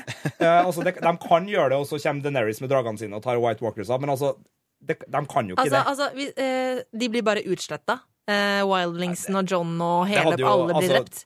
Det, jeg skal ikke si at det ikke kan skje, fordi her har man jo med manusforfattere å gjøre som er veldig glad i sjokkeffekt. Og Mm. det er klart, uh, George R.R. har jo klart å snu drittsekker til helter før, så kanskje Ramsay blir den store helten oh. og er The Prince Reborn, eller hva man nå skal kalle dem etter hvert. De, ja, det var vel litt Nei. Wheel of Time uh, Ja. der, men, Bastard Asai. Eh, ja, uh, The Dragon Asai. Reborn. The eh, Dragon Reborn mm. var der, ja. Uh, men uh, nei, jeg, jeg tror vel at eh, det blir eh, en, en lang, lang kamp som ender med om ikke Ramsay blir tatt, så tror jeg i hvert fall at Winterfell blir tatt. Uh, og så tror tror jeg jeg Håper det, i hvert eh, fall. Ja, og så tror jeg ridderne fra The Whale med Littlefinger ikke i spissen, uh, det kan ikke jeg se for meg, men i uh, vogna han, han sjekker vel inn på et motell i nærmeste landsby. et horehus i og, og, og venter Det, ut. Men, de to tingene er det samme i Ja, Westeros. stemmer det. det er ikke noen forskjell. Nei, jeg glemte det. Veldig spent på om det kommer noen folk med Tully altså For dem er jo nå på en måte frigitt. Hvis, jeg tror ikke Jamie kommer til å slakte dem, og jeg tror ikke Jamie kommer til å gi dem Nei, til The men, Phrase. nei, men de, alle våpnene ble jo tatt. ja, de ble lagt ned, i hvert fall. Mm. Nei, de ble jo samla i hauger. Altså, Ja. de, de ble fratatt våpnene, som jo er en vanlig ting når en hær tar over en annen. Ja. Sånn at eh, Men det kan jo at Jamie som den Kanskje han ombestemmer ja, seg og sender dem av gårde nordover. Kan hende at eh, For, for Eh, hvor skal ja. de ellers være? Nei, si det. Men eh, nei da, det, det, det er et langskudd. da. Jeg tror for så vidt ikke at det kommer noen fra Riverrun eh, nordover. Jeg tror de rekker det vel nesten ikke heller. Men, Men kommer noen, fra de, kommer noen fra de andre? Dukker Glover-gjengen opp likevel fordi de blir liksom snille? Eh, Kanskje. Jeg tror i hvert fall vi får noen gode eh, Jorman-soldater som skal Mm. kjempe for tid. Eh, Og så er det jo en viss mulighet, da. Og nå eh, begynner vi jo å nærme oss i fanteoriland, men både Arya og The Hound og The Brotherhood Without Banners er jo på vei nordover. Men så fort kommer ikke Arya nordover. Nei, altså. jeg tror ikke det. Eh, Men The Brotherhood er kanskje truende til å The kanskje rekke eh, noe. Mm. Så, så der kan det jo skje ting, eh, men det vet vi jo ikke. Men i Marine, da, som er den andre plassen vi skal til, som vi vet Mm. vi skal til, hva tror vi skjer der? Der kommer nok Theon og co., tror jeg. Eh, det er jævla raskt, men eh, ellers Altså enten så kommer de eh, i neste episode eller episoden etter der, eller så ser vi dem ikke før neste sesong. Men den avgjørelsen Danny skal ta, da? Ble det en avgjørelse om å reise? Er det det som er avgjørelsen? Jeg tror det er en avgjørelse overfor Tyrion. At hun ehm, Altså, for han har jo på en måte kjørt sitt eget løp. Selv om han har gjort det for hennes beste interesse, så tror jeg hun er litt pissed off på noen av valgene han har tatt. Eh, Jeg tipper at du det er enten det, eller at hun rett og slett kanskje skal ta et valg om hun skal frigi dragene sine eller ikke. Eventuelt om hva, hun var, skal hva var ordlyden? Hva var ordlyden? But Danny must take a choice? Eh, Nei. Skal vi se, nå må jeg finne det igjen. Uh, eller så kan det være at eh, hun rett og slett skal uh, Skal hun slakte ned alle Astapor-folka, eller skal hun på en måte vise nåde der? Det kan være Jeg noe med det. det, jeg kan tenke det fort hende Daenerys faces a choice Ja, ordlyden. Det var såpass vagt, det. OK. Ja, det er ganske vagt. Det er ganske vagt. Men, eh, men Jeg, jeg, jeg, jeg, tror, jeg tror den store vanskeligheten er på en måte ja, om hun skal la noen av denne skitsekken skitsekkene leve. Mm, ja, Fordi de, har, de, har ikke noe, de har ikke noe direkte motangrep mot én eller muligens tre drager. Det tror jeg ikke. Så skal hun liksom lage toastpinner av alle slaveherrene, eller skal Ja. hun eh, la prøve å liksom live and let die? Ikke sant? Altså, det jeg ser for meg, er at de kommer jo til å klare å ta over uh, hele Marine utenom pyramiden. Uh, det er det jeg ser for meg. Eh, og da kan det jo hende at de på en måte sier sånn Her har du 100 skip. Ta dine Unsullied og dine folk og stikk til helvete ut herfra. Eh, sånn at hun enten skal gjøre det, eller ta sine drager og brenne dem ned til alle sammen. Det tror jeg kan være et valg. Eller Eller Eller skal la uh, Tyrion få startkapital til vinmerket han har lyst til å starte? Eller skal ikke gi Tyrion startkapital Der- til vinmerket han har lyst til å starte? det det var. Det var det det var. Verdens beste merch. Men det blir spennende. Eh, Det som Altså, Tradisjonelt sett så har det jo vært episode åtte som har vært eh, de store episodene ofte. ni ni har vært store. ni, ja. Ja, men også åtte. Men nå tror jeg det virker som at det blir ni og ti. Ja. Fordi at tidligere så har det vært åtte og ni, kanskje, og så har det vært en litt sånn veldig sånn avrunding eh, i den siste episoden. Ja. Det har vært litt sånn på vei ned, mens her tror jeg vi slutter denne sesongen på et enormt høydepunkt. Det syns jeg er rettferdig, fordi de brukte jo også episode én av sesongen her til å være oppsummering av Ja. episode ti i forrige sesong. Det gjør de jo hver gang. Eh, ja, Ja. Men det er greit. Hvis episode ti slutter på et høydepunkt, så er det Ja. greit at episode én i Eller det, er jo, det sier jeg nå, da, Ja. men i april 2017 så ble jeg jo rasende forbanna over at vi bare skal recap. Men uh, tror vi at vi får se noe av Bran? Får vi se noe av Cersei Ja, som rusler ned for å finne Bran Wildfire? Får vi eh, se borte lenge. Mm, Ja. Apropos folk som eh, har vært borte. Bran og Sam? Det er ganske mange folk som skal uh, nøstes opp i altså, i løpet av to episoder nå. Ja. Uh, Jeg tror kanskje vi, får, vi må få litt av det i den neste episoden. Jeg tror kanskje det kommer et sånt små kvarter, 20 ja. minutter med uh, smådrypp. Ja. Kanskje litt Sam, kanskje litt Danny, kanskje en Mm. snartur innom eh, noen andre vi ikke har sett på en stund. En liten Frey som er fornøyd med at beleiringa er ferdig, kanskje. Et eller annet. Ja. Eh, en ravn som kommer til Cersei med beskjed om at broren kommer tilbake. Ja. Den er Men- 60 minutter, episoden. 60 minutter, ja. Ja. ja. Det holder jo med 40 minutters slag. Nei, men altså, det slaget kan jo, altså, De 40 minutterne må jo brukes litt smart, fordi uh, Davos, hvis han skal finne uh, bålplassen og hæren skal samles altså Det må komme i litt sånn stykkevis og delt, så jeg håper at vi ikke får en sånn der Vi får sikkert en halvtimes massiv slagklump, eh, men eh, den første halvtimen håper jeg er litt sånn uh, Uh, Litt uh, løsere i, i formen, og at vi kan fære innom litt og få, få med oss noen godbiter. Ja, det blir spennende. Filmpolitiets Game of Thrones-podkast. Nå, kjære venn, er det klart for podkastens høydepunkt, nemlig Fan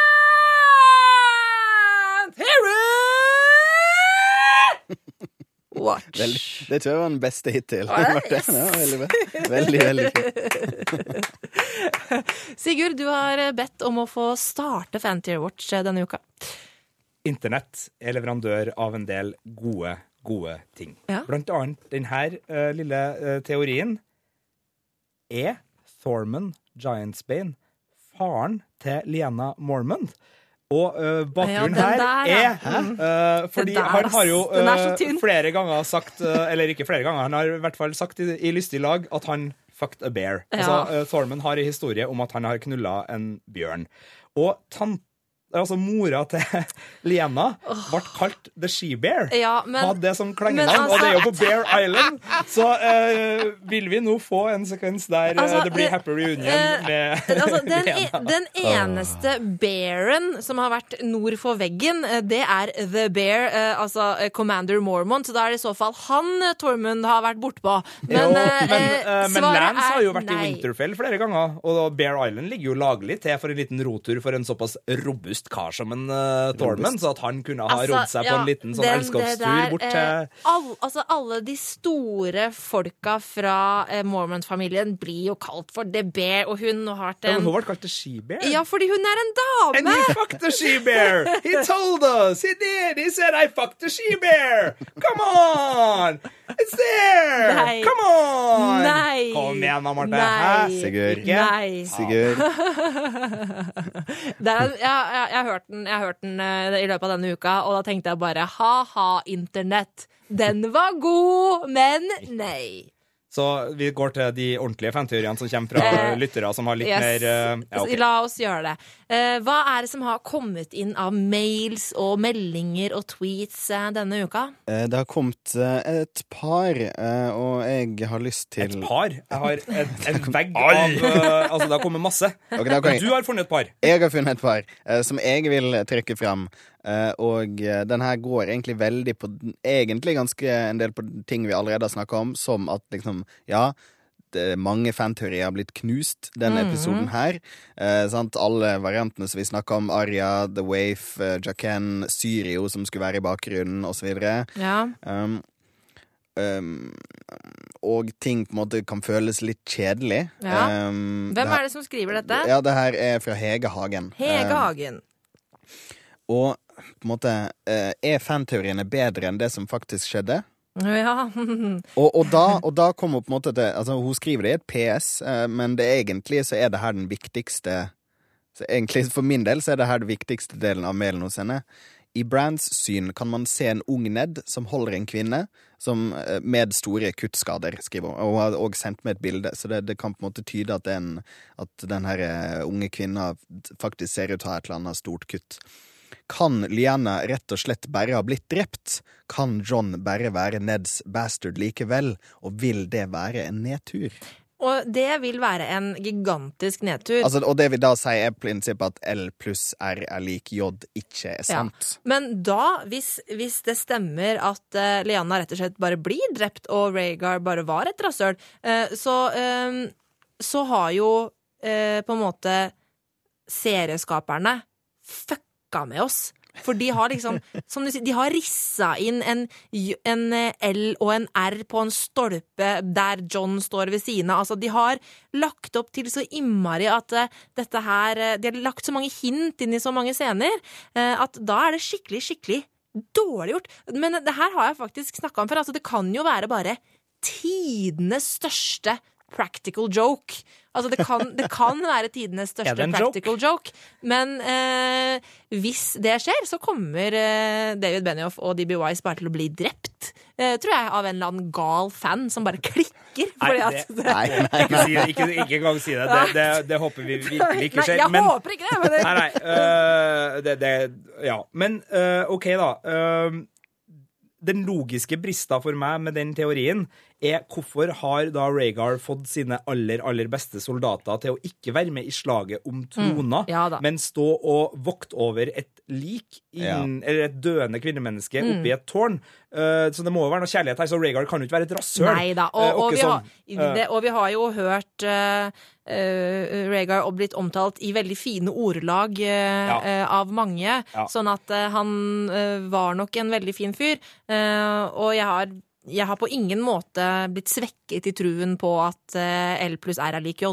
Nei, det er ikke jeg heller. Men, men la oss nå si da at uh, det er sant, at det ikke er, er riktig. Altså, John er ikke barnet der. La oss bare uh, leke med den tanken. Da er det noen annen grunn til at Lena er der. Altså hun er syk eller døende på, av en eller annen grunn, og Rhaegar har bare satt sine bestemenn der for å gi henne fred i, i en poenget, urolig tid. tid. hva er poenget men med la? Oss, la oss nå bare Men, men det har jo ikke så enorme konsekvenser øh, nødvendigvis, for hvis man på en måte har øh, Daenerys som øh, frelseren i denne historien, så er jo Altså, John er jo allikevel John. Altså, han Jo, har jo. jo, så, så det er jo ikke katastrofe for handlingsmessig, men det er jo, som du sier, det vil jo være veldig merkelig, og jeg tror jo absolutt ikke at det her ikke Nei. stemmer. Men, men det er jo et større spørsmål her. Er, liksom, er fanteoriene Hvor viktige er fanteoriene?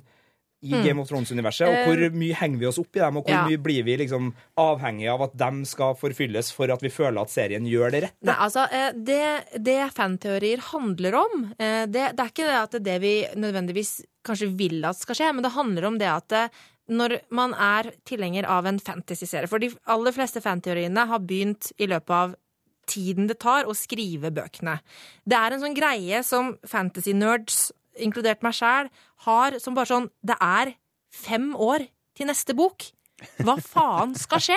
Og så finner man et eller annet forum på internett, og så begynner man å diskutere med andre, og så begynner man å legge ut sine teorier. Altså, det, er en, det er en sånn ventetidsgreie.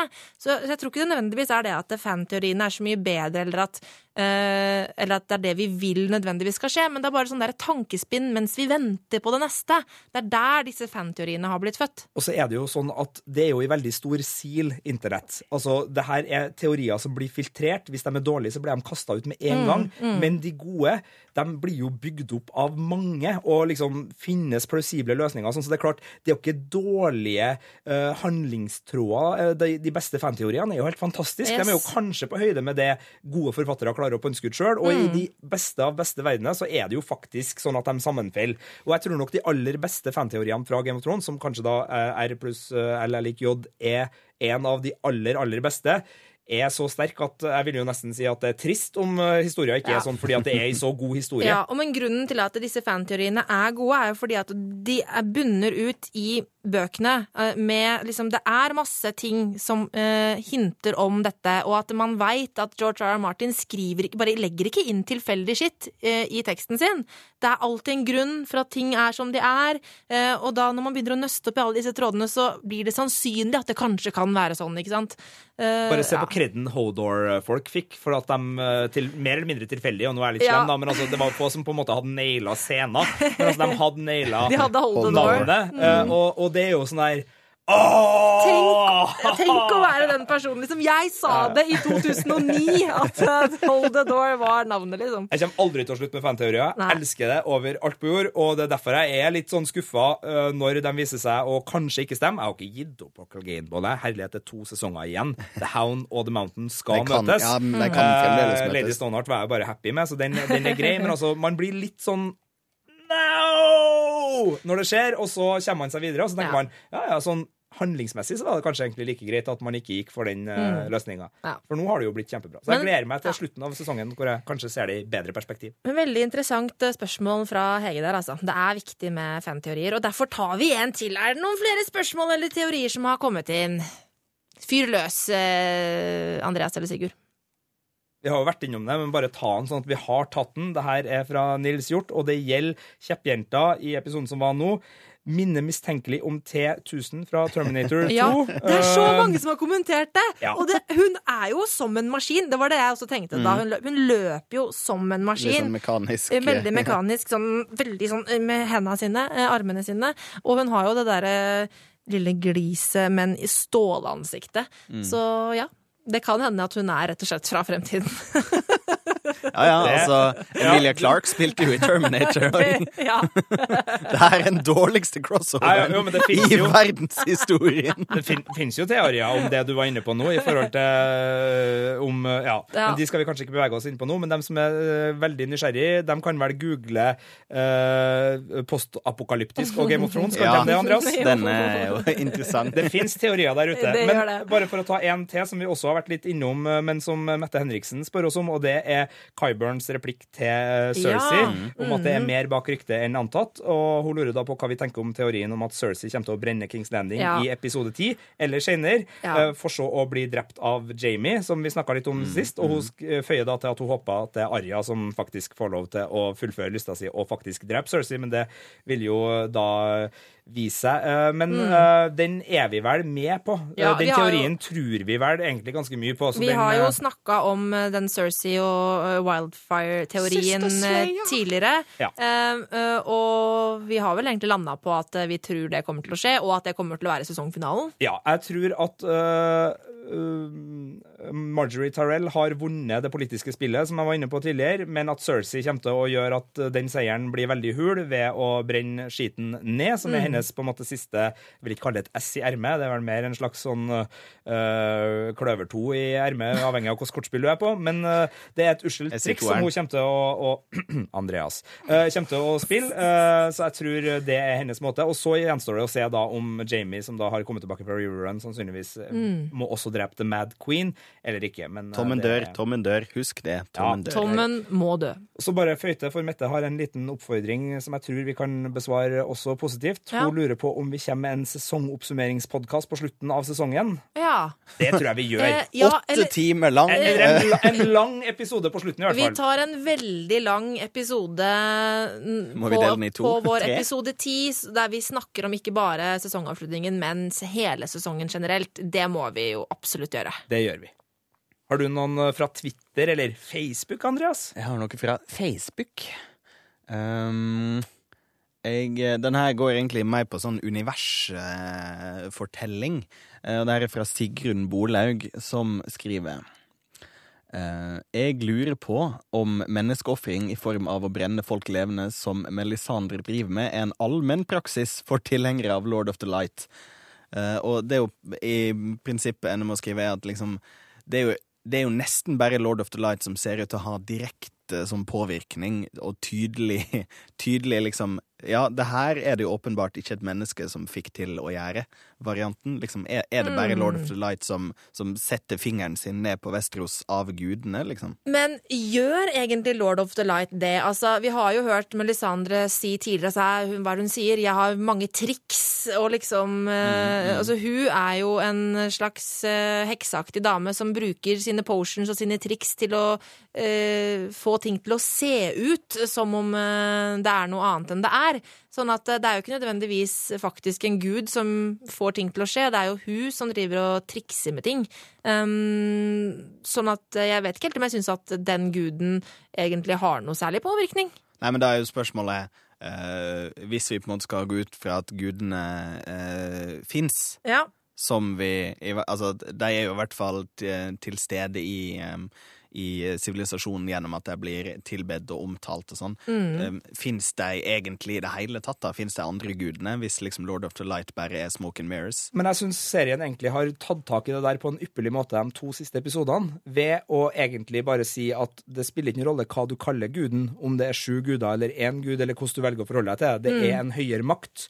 Eh, litt som, som man kan velge å tolke eh, menneskets religioner også i den virkelige verden, i forhold til at det kan være snakk om én gud i flere religioner. Så jeg tror det er det serien legger opp til, at eh, ja, Lord of Light er ikke nødvendigvis en annen gud enn den som Father Ray snakka om eh, i forrige episode, da han snakka med The Hound. For det er veldig lik retorikk fra Ja. Thoros og Father Ray på hva gudene skal gjøre, og hva mennesket skal gjøre i forhold til sine guder. Så jeg tror det serien ymter jo frampå om at uh, Ja. gudene kan være mye av samme, selv om de gamle gudene er noe annet, for det er en Men annen altså, magi. eh, i, i, de, i de nye gudene så er det jo syv guder. Jo da, Eh, men altså, vi har jo eh, Jo, men det sier jo. Father Ray òg. Om det er én gud eller sju, det Nei, nei, vet men ikke de jeg. tilber jo alle sju, sant? I- Jo, jo. ja, men, han sa jo at uh, han vet ikke nok om det her, om det er sju Nei, egenskaper ved guden, sant, eller om sant? det er sju personer. Ja. Men, men av, av en eller annen grunn, hver gang det handler om sånne ting, altså i, om det er fantasybøker eller filmer eller, eller et eller annet sånt, så, så trekkes det alltid mot det gamle. Eh, Det er liksom det jeg har på en måte tro på at er det ekte i universet. Mm. Eh, Jeg vet ikke hvorfor det er sånn, men det er hver gang det er, Men det er kanskje ofte fordi det er det det blir lagt opp til i eventyr. At det ofte er det gamle som er det liksom reelle og virkelige, at det andre bare er tull. Sånn at eh, det er vel de old gods jeg ville på en måte bedt til hvis jeg hadde befunnet meg i Vesterås, tror jeg. Vi har fått flere e-poster, hvis vi har eh, tid til å eh, gå litt Ja, videre det i eh, det her. Um, da eh, er det eh, Vanessa Paulsen, og det her er, har vi så vidt vært inne på, men jeg syns det er kjempefint. For hun eh, lurer på om vi har noen tanker om at Dan og David, produsentene, eh, snakker om litt færre episoder for sesong sju og eventuelt åtte. For det er snakk om at det skal være sju episoder eller seks episoder i de sesongene. Mm. Men, og lurer på kanskje en film på slutten. Hun har flere poeng her. Men det jeg har lyst til å snakke om, Vanessa, og beklager at jeg tok litt lett på dine andre poeng nå, men det er eventuelle spin-offs fra Game of Thrones. Men hun snakker da om Robert Rebellion og Duncan Egg, altså sånne historier ja. som er inni er der. artig Mm, det, det er også veldig artig. Men skulle vi dra litt lenger? Altså Hvilke spin-off-serier? Vi var inne på, på uh, Bron og, og Podrick. Er det Ja. andre på en måte Jeg spin-off-serier sånn Jeg vil ha, jeg vil ha Hvis dere husker um, eh, Edle dråper med, med Berulfsen uh, som gikk på NRK. Jeg vil ha det bare med Tyrion Ja. og Varys eller et eller annet sånt. Så reiser rundt i Vesterås, Esso, så strikker vin, preiker skit, sykler på landeveier. Uh, det, vil, det er liksom min Det, det ser jeg for meg. Vinprogram. Vinprogram fra Vesterås. det vil jeg veldig gjerne ha. Det er nydelig. Altså, I reality-sjangeren så er det jo ganske mye jeg kunne ha tenkt meg. Altså, en Unge mødre. Ja, unge mødre. Luksusfellen er jo Det er jo Lannister, Luksusfellen er Lannister nydelig. TV-serie. Fra King's Landing.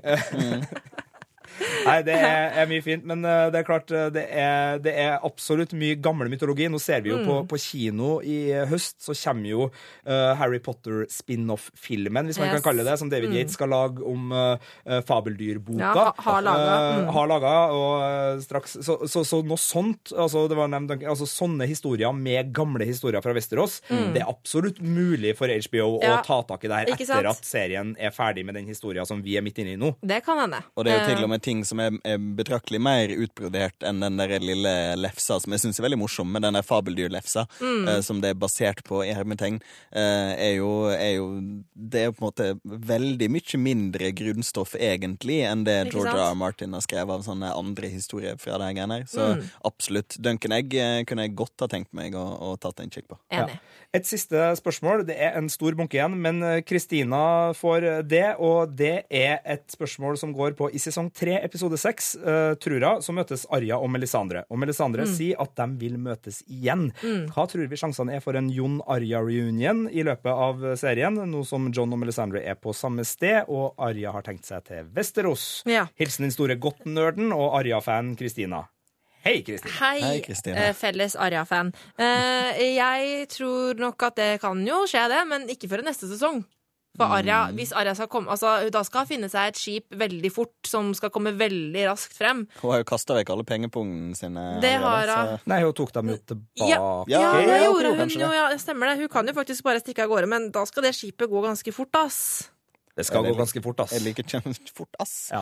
Men, men jeg, jeg er helt med. Altså, jeg tror Melisandre og Arja kommer til å treffes igjen. Ja. Eh, For sånne ting blir ikke sagt i serien hvis de ikke har tenkt å gjøre noe med det. Og Nei. Arja og Jon er sjelefrendene. Jeg Det har jo dem. sagt mine teorier om hvordan det kommer til å ende med Arja, og det er jo en bittersøt variant. Men Mm. før den tid så tror jeg absolutt at eh, Arya reiser nordover og kommer til å treffe dem. Så blir det jo spennende å se hva Kan- som skjer. Kanskje eh, Arja og John møtes igjen i ulveform og bare løper fritt sammen i Det er jo- skogene oppe i nord. Det er jo en spin-off Richard Attenborough som uh... Vi må ha en egen spin-off-pod, tror jeg. Jeg tror- For du, du, du begynner å koke, du nå, Andreas. Og, det her, og da, jeg, da vet jeg at det, det, er lurt å, Yes. det er lurt å begynne å notere ned, når det er, så vi skal ta en prat etterpå. Filmpolitiets Game of Thrones-podkast.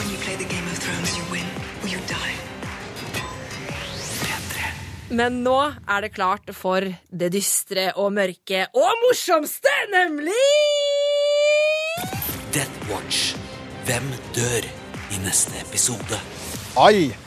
Alle dør, alle dør. Ja, eh, Eh, er det bare én per pers, eller kan Eh, vi ja, tippe på fire-fem eh, dødsfall? Nei. Det er bare én dør. pers? Men først så må vi ta en liten recap av hva vi vedda på sist. Eh, Jeg har jo fått en kronis for Ja, kjeppjenta. den, eh, Eh, ja, men, det er en eh, liten kronis, altså. eh, ja, eh, I altså, likhet med den for ja. Baylon, så er det en liten kronis. Skal- men du har tre kroniser nå, Marte. Du leder Har tre. jeg tre? Ja, du har ja. for Baylon. Ja. Du har vel for en viss Dortraki-fyr, var det det? Eller du, du fikk en til inni her. en Ja, hvem husker ikke, det? det, kan vi gå tilbake og jo, sjekke. jo, jo, jo. Det var, øh, det var øh, Osha. Der jeg jubla da hun ble drept. Det var så. Stemmer. Det var det. Det var Osha, eh, Baylon Ja. og nå Ja. eh, Kjeppjenta. Så Men- du har tre. ja, mm. Andreas har null. Sigurd har null.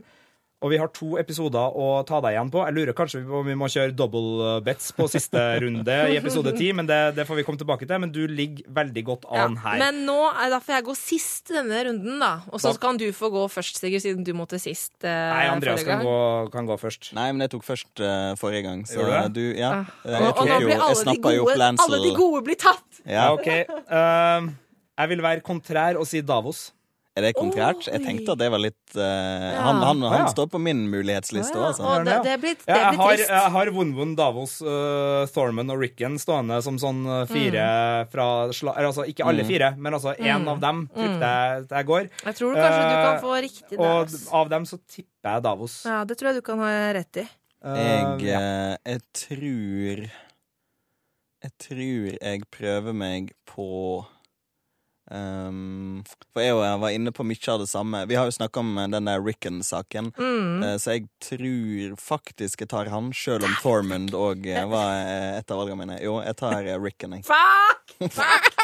Fuck! Fuck, fuck, fuck, fuck, fuck, fuck, fuck, fuck, fuck. Eh, fuck, ass. Eh, men eh, ja, da Det var jo Det var, hadde jeg da Bra, altså. Andreas, i forhold til å ikke la For hvis hun okay, begynner å få nei da. fire Ja, det kroniser vet nå, jeg. ja. Men eh, jeg tror faktisk at det kommer til å bli veldig trist eh, når The Last of the Giants dør.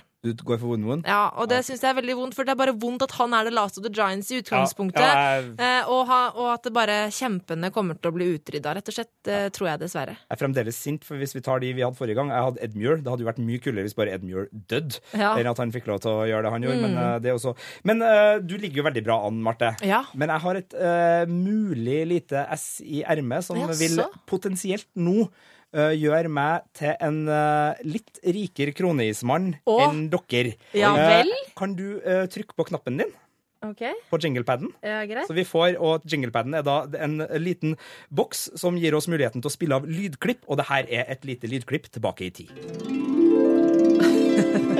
Ifølge en fyr på Reddit som eh, vet om en fyr som eh, var statist i det kommende slaget utafor Winterfell, OK. eh, så er det sånn at eh, Ramsay sparer Ricken okay. til slaget skal begynne, og så frigjør han Ricken før slaget skal begynne, og Ricken springer over sletta mellom de to hærene, og så strammes det en bue, og så skyter han Ricken i ryggen rett foran sånn Jon for å Snow. demoralisere. For å demoralisere. Ja, det, det, høres veldig veldig, Ramsay ut. Mm. Så det er et rykte. Det tror jeg på. Særdeles ubekrefta! Og bare halabaluba. Men, eh, og sorry hvis jeg ødela noe for noen nå, hvis det der faktisk viser seg å stemme, men det var bare liksom det mest Nei, nei, altså. Sånn Altså, du, via, får to, du får to kronis for den der, altså, Ja, det, hvis den, det, hvis det, den det gjør du fra hver av oss. Ja. Du skal få to kroner fra hver av oss. Det vil si at hvis, det her, hvis jeg har maks uttelling på uh, Winterfell nå, så får jeg én kronis for Davos. Og hvis i tillegg det der skjer, så får jeg fire kroner i sted!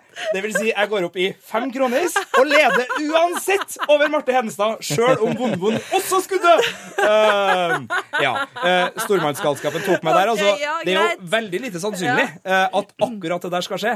For det der var da fra vår andre episode. Dette var Ja. episoden hvor Ja, for det er akkurat det scenarioet som skal skje. ikke sant? Ikke bare at Rickon skal dø. Nei, ikke bare at Ricken skal dø. Jeg tror mm. Hvis jeg skal få fire kroner i dere, uh, for denne teorien som jeg leste på Reddit tilbake etter Du får dele to de isene med han eh, fyren Ja. som la ut det innlegget. ja, det, vi, vi skal ha Hello, this is Sigurd from the Norwegian lage en egen I want to send you some crown ice. What Men is uh, your address? ja, jeg tenkte bare jeg skulle minne dere om den. da Uh, Ja, ja. Sånn at, uh, Så var derfor jeg ikke tok Ricken på førstevalget. For der har jeg på en måte allerede et lite, et sant, lite spill, spill Ja, inne. men du skal Så- få de. Hvis det der, akkurat det der skjer, der så skal du få de fire isa. Da blir det Altså. fire. Eh, Hvis ikke så blir det én på Davos. Og at Marte, da ligger Marte veldig godt an, hvis, Mm. hvis vi ikke får til det der, Andreas. Åh, ja, det blir spennende å se. Men Det dere blir vet, det som de sier, in the game of cronies, you win or you die. Oi! Det var fint. Den kontrakten har ikke jeg skrevet under på.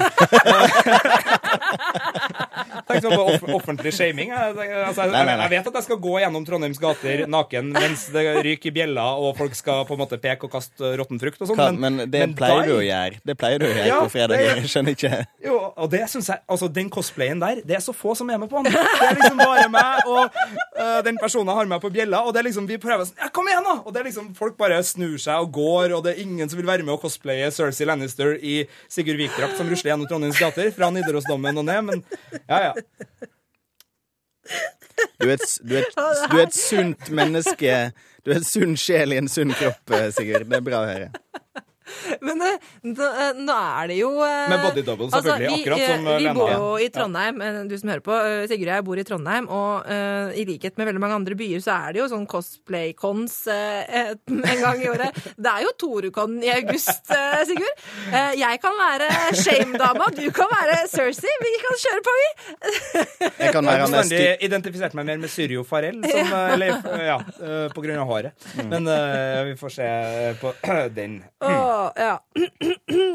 Nei da, så eh, Nei da, så Skal vi gi oss her før jeg sier noe mer dumt, eller? Ja, la oss gjøre det. Ja. Filmpolitiets Game of Thrones-podkast.